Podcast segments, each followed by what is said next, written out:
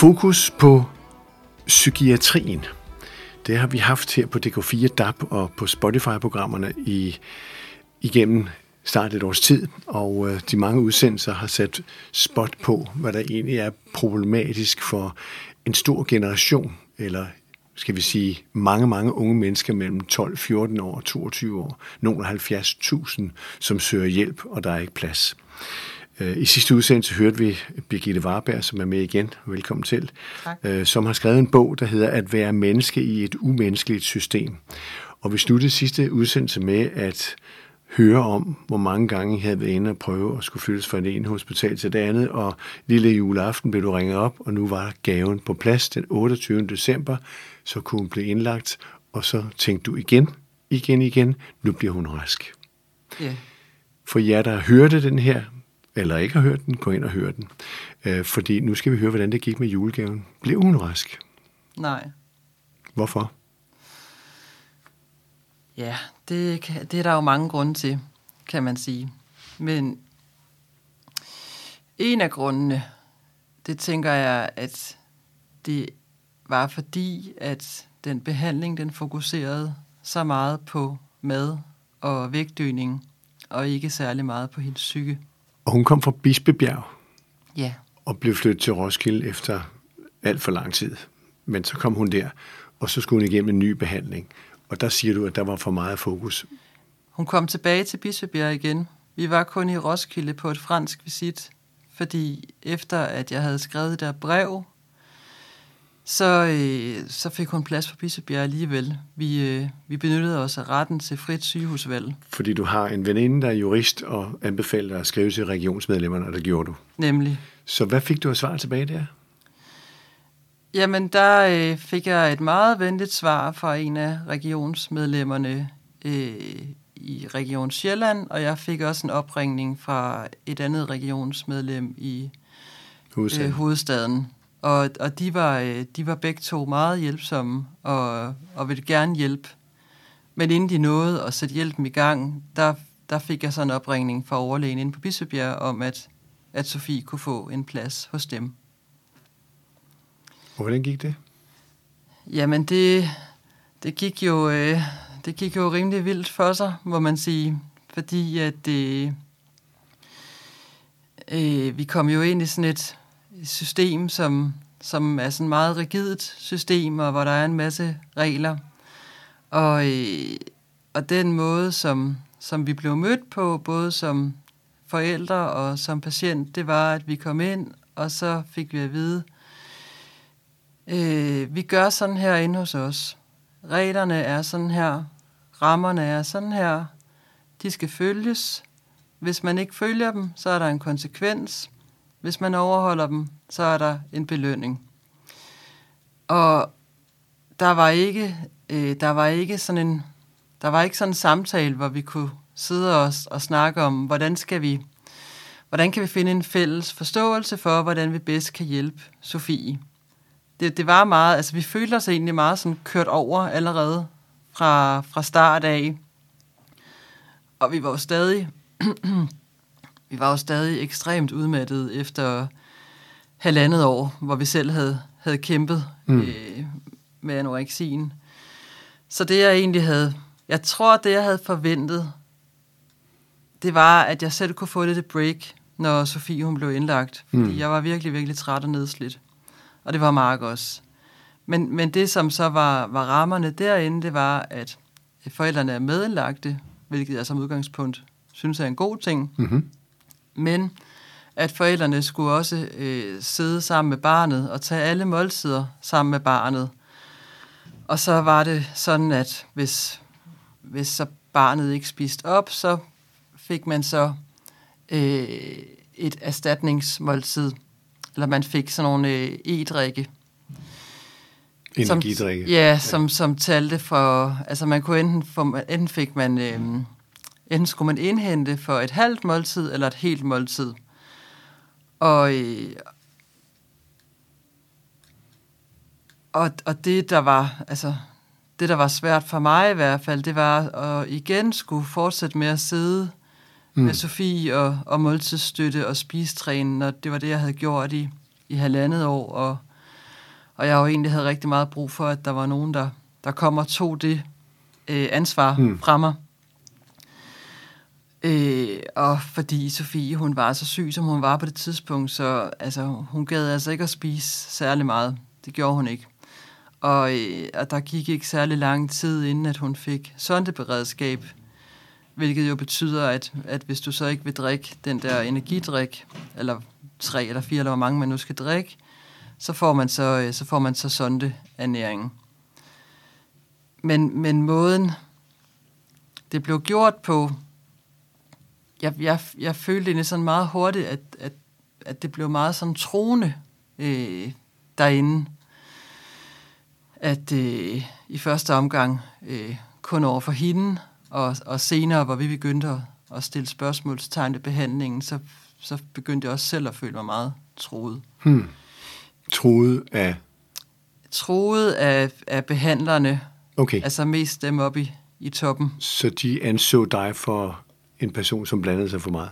Ja, og som en dårlig mor, tænker jeg. Så du fik nogle prædikater af dem, som du så skulle gå og, og, og bearbejde, for Ja. at du skulle bearbejde din datters sygdom? Ja, vi følte os i hvert fald, altså ikke så meget under hendes første indlæggelse, men det blev ligesom sådan værre og værre, kan man sige.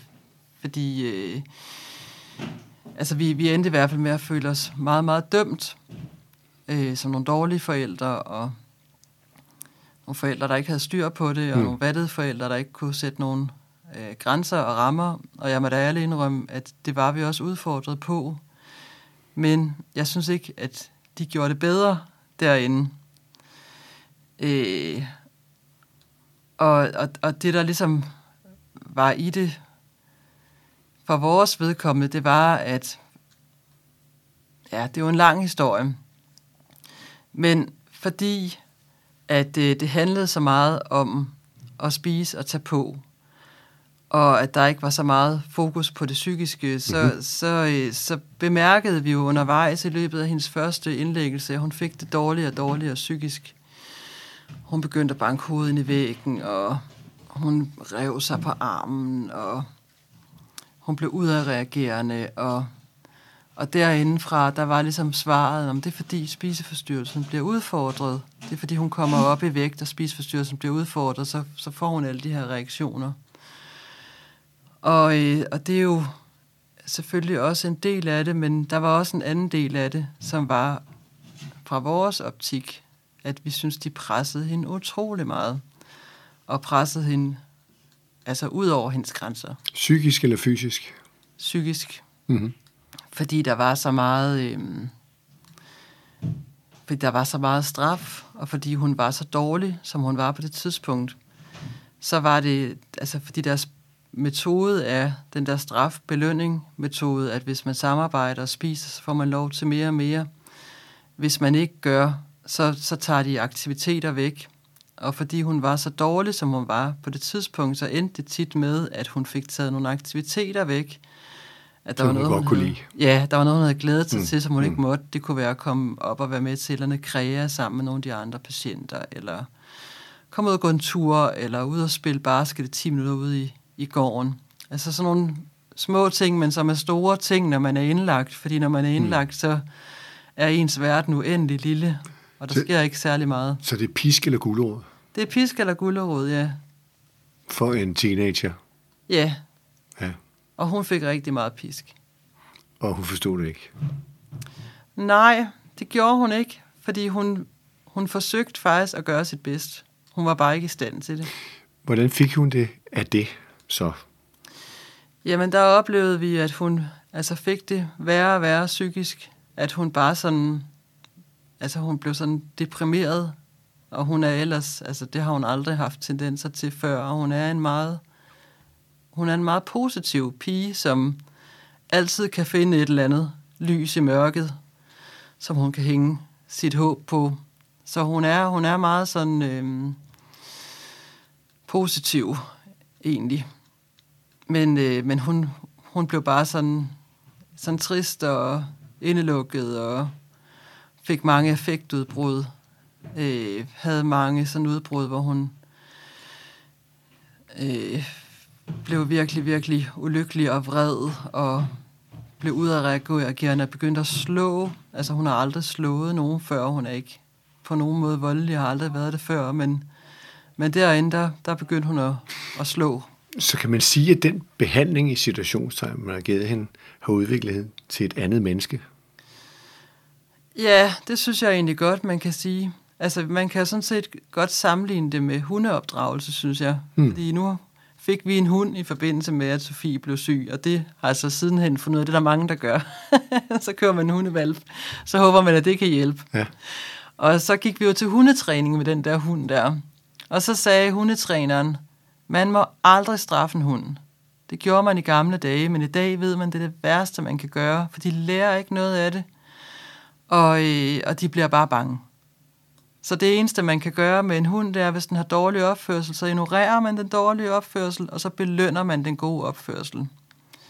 Og nu har jeg senere, min mand og jeg, vi har taget sådan et forløb hos en neurocoach, mm. som ved rigtig meget om, om hjernen. Og han har, han har også sammenlignet med, med pattedyr, for han siger, at når det handler om anoreksi, så er det faktisk rigtig meget pattedyrshjernen, der er på spil. Så, øh, så det, det fungerer på samme måde som en hund, for eksempel. Og, og det vi oplevede, det var, at, at Sofie, hun bare blev straffet så meget, at... Øh, hun blev et andet menneske. Ja, det synes jeg. Det synes jeg virkelig, hun gjorde. Og, og hendes, altså det, hun jo så sagde til sig selv, det var, når jeg kommer ud herfra, så skal jeg bare tabe mig. Så skal jeg bare tabe alle de kilo igen. Fordi hun vil vise, at deres hmm. behandling ikke fungerede. Hmm. Hvordan har hun det i dag? Hun har det bedre psykisk i dag. Altså hun har det meget bedre psykisk, end hun havde på det tidspunkt. Hun har mindre angst. Øhm, hun har stadigvæk masser af udfordringer, og hun er, hun er sårbar. Hun er bagud i skolen. Hun har misset et års skolegang ved at være indlagt. Og øh, rent socialt, der er der også nogle kompetencer, hun skal have udviklet, og hendes hjerne har jo også altså, lidt under at være undervægtig i så lang tid. Og man kan sige fysisk, altså hun ligger stadigvæk for lavt vægtmæssigt. Hun ligger cirka 7 kilo under, hvad hun skal veje, for at hendes krop kan fungere ordentligt. Men hun ligger stabilt på de der, så... Men hvad er det, der har fået hende til at få det relativt bedre? Er det behandlingen på hospitalet, eller er det jeres måde at gribe situationen an på som forældre?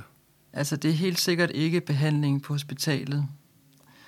Man kan sige, at, at det, der gør, at hun holder øh, vægten, hun ligger jo hun ligger jo sådan lige over, hvad der sådan er forsvarligt, kan man sige. Fordi hun skal ikke tabe sig alt for mange kilo, før der begynder at blive snakket om indlæggelse igen. Men hun holder vægten, øh, både fordi hun ikke vil indlægges igen, hun ønsker aldrig nogensinde at komme tilbage til det sted, og hun holder også vægten, fordi at vi gav hende lov til at, at begynde at gå til noget Grand Prix-gymnastik, som var sådan en kæmpe passion for hende. Og man kan sige, at det er forsvarligt, fordi hun skal jo ikke træne for meget, og hun træner allerede for meget. Så vi havde en, en snak med et behandlingssted, hun var tilknyttet, og de var meget til, at vi skulle give hende noget glæde i livet. Og det var egentlig også vores egen øh, opfattelse. Det var, at nu, nu skal den pige have noget at leve for. Og, øh, og det har været så godt for hende at gå der, fordi hun elsker øh, den der gymnastikform, mm. som er så noget med æstetiske bevægelser og paljetter og hårlak og du ved, fest og farver. Og, ja. og så, øh, så ved hun også godt, at vi har sat et, et vægtkrav at hvis hun kommer under den vægt, så må hun ikke komme afsted, og det er ikke for at straffe hende, men det er fordi, så bliver det for farligt for hendes krop. Men opfatter hun det, at det ikke er en straf? Ja, det okay. ved hun godt. Okay. Hun ved godt, at det er for at passe på hende. Okay. At det er simpelthen ikke, fordi vi ønsker at straffe hende, men det er fordi, der er, der er en grænse for, hvad hendes krop kan klare, og det ved hun også godt. Og hun siger jo også selv, at, øh, at hun spiser, fordi hun gerne vil være sted til det gymnastik, og at sådan noget mm. som at gå i spisestop, som hun har gjort meget tidligere, det kunne hun aldrig finde på at gøre igen, fordi hun vil aldrig behandle sin krop så dårligt igen. Så hun vil gerne have en sund og stærk krop, og hun vil også gerne tage mere på, men hun er stadig bange. Hvad er det, hun bliver bange for? Jamen, det har vi snakket meget om, og hun ved det ikke helt selv. Hun har, hun har svært ved at, at hitte redde i, hvad, hvad er det lige præcis, jeg er bange for? Og det tætteste, hun selv er kommet på, det er nok, at det er den der følelse, man får, når man skal tage på, som hun jo har oplevet nogle gange inde på, på hospitalet, at man får sådan en, en fedmefølelse, hvor man føler sig meget sådan opsvulmet og oppustet. Mm-hmm. Den synes hun er utrolig ubehagelig. Og så, øh, så har hun også sagt, at det også handler meget om de minder, der er forbundet med at, at tage på, at det har været så traumatisk, og hun har jo været udsat for mange fastholdelser og altså ubehagelige ting. Når du siger fastholdelser, er det så fysisk øh, overgreb, kan man sige, af personale, som siger, nu skal du, nu holder vi dig indtil du har spist? Ja, det har været nogle fastholdelser, hvor hun er blevet holdt tilbage. Hun har prøvet at få sonde øh, en gang, hvor hun er blevet, blevet holdt fysisk nede. Og det har man jo hørt om mange gange, men det er ikke ude i den offentlige debat så meget. Er det ikke korrekt? Jo, altså det er jo ikke noget, der er blevet snakket så meget om endnu. Men, øh, og det er også en svær diskussion, fordi man kan sige, selvfølgelig skal de have sonde, hvis de er så underernæret, at de er ved at dø. Altså, det kan jo ikke være nogen tvivl om. Men jeg, jeg synes, det der mange, der bliver snakket om, det er etikken omkring det. Og det er den måde, man griber det an på. For der er mange steder, hvor de bruger sonden som en trussel. Hvor det er sådan, mm. hvis du ikke spiser, så får du sonde, så du må hellere spise, for ellers får du sonde. Og hvor, hvor jeg synes, altså, det burde være, vi giver dig sonde for at passe på dig, hvis det er, at du er så langt nede, at det bliver for farligt. Den kærlighed og omsorg, den er, den er der ikke så meget. Jeg har i min bog har jeg et øh, interview med en overlæge, Per Nør Jensen, som har øh, været overlæge blandt andet på Odense Universitetshospital tidligere og arbejdet med de her unge anoreksipatienter. Nu er han i voksenpsykiatrien. Men han fortæller øh, lige præcis om den der menneskelighed og, og den der varme og omsorg og alle de kvaliteter, som han mener er vigtigt for, mm. at en patient kan, kan blive til et helt menneske og, og blive rask fra den her sygdom. Og hvor han siger, der, der er desværre rigtig meget af, af det andet på hospitalerne rundt omkring, hvor det bliver meget sådan en, en kamprelation mellem behandlerne og patienten. Har han en løsningsforslag på det her? Ja, altså det har han jo sådan set, og han har også hjulpet rigtig mange til at, at blive raske, og hans løsningsforslag, det er, at man skal lytte. At lægerne skal lytte til, de til patienterne. Ja. Og at man skal have en, en gensidig forståelse. Man skal have sådan en, en, en fælles mængde, hvor behandlerne og forældrene og patienten kan mødes om noget fælles, som man kan tale ind i og tale ud fra. Fordi det er tit sådan, at behandlerne står i øst, og patienten og forældrene står i vest, og så øh, føler patienten og forældrene, at behandlerne trumler dem ned. Mm. Sådan oplever mange det. Hvor han siger, at vi skal jo finde en fælles forståelse. Der findes jo også alternative behandlere, ja. som jo påstår øh, over for det offentlige, at det her det i lige så høj grad drejer sig om sindet og ikke vægten. Hvor kommer det ind hen? Hos Per? Ja. Jamen, han, han siger, øh, han har sådan en talemåde, som han bruger over for sine patienter, som er, du bliver ikke rask af at spise, men du bliver heller ikke rask, før du begynder at spise. Så han ser det jo meget som, ligesom Finn Skorteråd, som vi har snakket om tidligere, som en... Fra Norge. Fra Norge, som at der, der er to ben, der skal øh, behandles ja, og anerkendes. En meget berømt øh, psykolog i, i Norge, som kunne være interessant at tage til Danmark på en høring, ikke? Jo, helt ja. sikkert. Og hvad siger han, siger du? Han siger, at det er vigtigt, der er lige så meget vægt på det psykiske, som der er på det fysiske. Og er det det, det danske sundhedssystem mangler at erkende eller finde ud af? Ja, det synes jeg. Jeg synes, der mangler i den grad fokus på det psykiske Der er alt for meget vægt på det fysiske.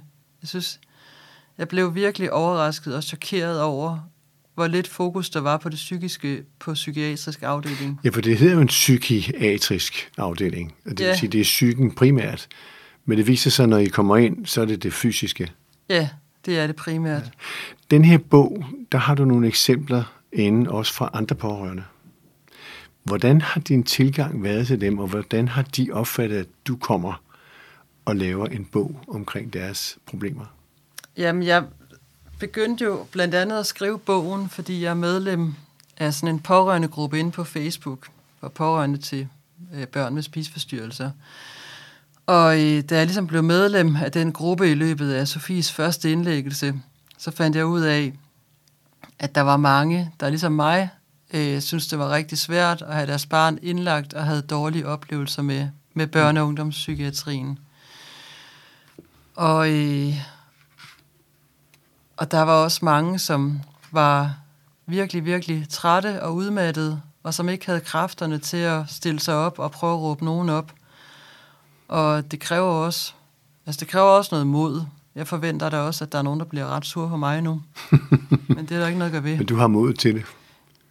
Ja, jeg har det ligesom sådan, at vi bliver nødt til at kunne snakke om det her. Vi bliver nødt til at, at have en debat i gang. Og øh, jeg har erfaret gennem de sidste tre år, at man skal råbe meget højt, hvis man gerne vil have psykiatrien i tale. Så, Hvorfor øh, tror du det? Er det et politisk problem, eller er det et lægeligt, fagligt problem? Jeg tænker lidt, det er begge dele. Altså, det er jo igen problemet, det der med, at altså det er jo nødt til at, at, der er nødt til at komme nogle ressourcer i form af nogle penge, sådan så forskningen kan blive bedre. Det er jo et politisk problem, kan man sige. Det er dem, der gerne skulle tage hånd om det. Og der kunne man måske se til Norge, hvor man bruger penge på det. Ja, det kunne man jo godt mm-hmm. tage, tage til sig. Ja. Men så er der jo også nogle, altså der er jo sådan nogle myter, og der er nogle øh, historier, man ligesom bekræfter hinanden i, og, og en af de myter, som er, og, og som også er noget, man hele tiden får at vide, når man har sit barn indlagt, det er, at børnene er ikke modtagelige for terapi, før de er kommet op på sund vægt. Det er ligesom sådan en mantra. Mm-hmm. Maden er medicinen, og de, kan, de er ikke til at snakke med, før de er kommet op på sund vægt. Og er det rigtigt? Nej, det synes jeg ikke. Det er ikke min egen erfaring. Nej. Og overlægen i min bog, det er heller ikke hans erfaring. Han, han siger, det passer ikke. Han siger, at de, de, man kan sagtens snakke med dem. Men der er selvfølgelig, altså vi kan godt være enige om, at når de er meget lavvægtige, så kan de godt være svære at nå ind til. Men jeg kan da huske, at da Sofie, hun var allermest lavvægt og indlagt, og var somatisk troet, øh, i forbindelse med hendes anden indlæggelse, hvor hun tabte sig lynhurtigt på meget kort tid, der selvom hun var psykotisk og virkelig langt ude, så havde hun også nogle klare øjeblikke, hvor hun forstod sig selv og sin sygdom, og hvor vi virkelig kunne have nogle gode snakke. Men, så det er også med at møde dem, når de Men det kunne forsvinde som duk for solen? Ja, hun gik ud og ind. Det var sådan, okay, nu er spiseforstyrrelsen der, nu er Sofie der, hmm. nu er spiseforstyrrelsen der, hmm. nu er Sofie der. Og selvfølgelig er der færre af de glemt, når mm. de er meget lavvægtige. Ja, men det er en proces, de, man skal igennem. Ja, men, men de er der. Må jeg lige sige om bogen, øh, som måske er interessant også lige at vide for jer som lytter, som kunne tænke sig at læse det her knap 300 sider. Øh, der er de pårørendes fortællinger, forskellige pårørendes fortællinger, som jo summerer op, hvad man oplever om det psykiatriske system. Der er også faglige indlæg, heriblandt blandt andre overlæge Per Nør Jensen. Og så er der også artikler. Der er artikler af mennesker, som skriver omkring de her øh, problemstillinger. Og øh, så er der også tal fra Sundhedsstyrelsen, øh, eller øh, Sundheds, hvad hedder det, det hedder Sundhedsdatastyrelsen, ikke? Øh, hvis man læser den her bog, og nu går jeg i gang med den, er det en, man skal læse alene, eller skal man læse den med en, der er syg? Jeg synes godt, man kan gøre begge dele. Altså, det er jo en bog, som er skrevet primært til de pårørende. Ja, men så tænker jeg på konsekvensen af bare at læse den alene. Skulle man tage det op som en familiesamtale bagefter, hvor man refererer til de ting, man har læst, som jo kunne ligne det, ens egen familie er ude for? Ja, det håber jeg det. Er det det, der er? Ja. Altså, jeg håber, at, at bogen kan give noget lindring til de pårørende, der er derude, og også til, til de patienter, unge mennesker, som har været igennem det her system. Og det er jo mange. Det er rigtig mange. Og det bliver ikke omtalt ret meget i hverdagen. Nej, det er ikke noget, der bliver snakket så meget om. Der er heller ikke særlig mange pladser jo. Nej, men man skal jo ikke glemme, at de her, som jeg omtalte i første udsendelse, godt og vel 70.000 unge mennesker mellem 12, 14 år og 22, det er jo fremtidens ungdom, det er fremtidens generationer. De er jo præget af det. Ja. Kunne man forestille sig, at sådan en bog her kunne være noget af det, der kunne lægges frem på en, en høring, for eksempel i landstingssalen, øh, på et givet tidspunkt, hvor vi tager øh, det offentlige lægebehandling ind, alternativbehandlere, pårørende og syge selv. Kunne det lade sig gøre, tror du? Vil du kunne få din datter med ind og forklare, hvordan hun har haft det? Ja, det tror jeg godt. Altså, det håber jeg da rigtig meget, at bogen kan blive brugt til sådan nogle ting. Fordi... Så bogen kunne blive et udgangspunkt for en høring. Vi har, som jeg tidligere har nævnt, haft en række udsendelser om fokus på psykiatrien, hvor vi kigger på alle problemstillingerne. Hvis vi tager de problemstillinger op på en høring i landstingssalen, kunne den her bog så måske være udgangspunktet for fakta? Ja, det kan den godt. Det synes jeg ville være meget, meget fint. Så med andre ord, at være menneske i et umenneskeligt system, det vil du gerne vende om til at sige, vi vil gerne ind i et menneskeligt system, for vi er mennesker. Lige præcis.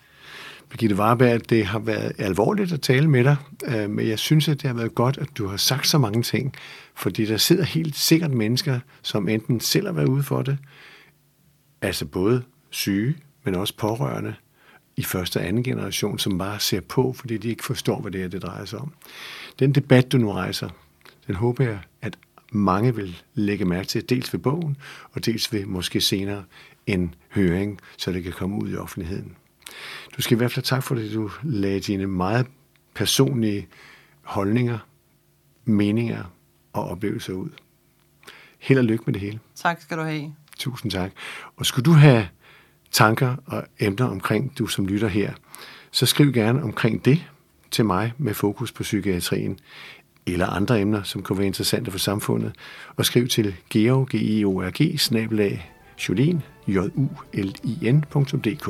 I er meget velkomne. Tak for nu.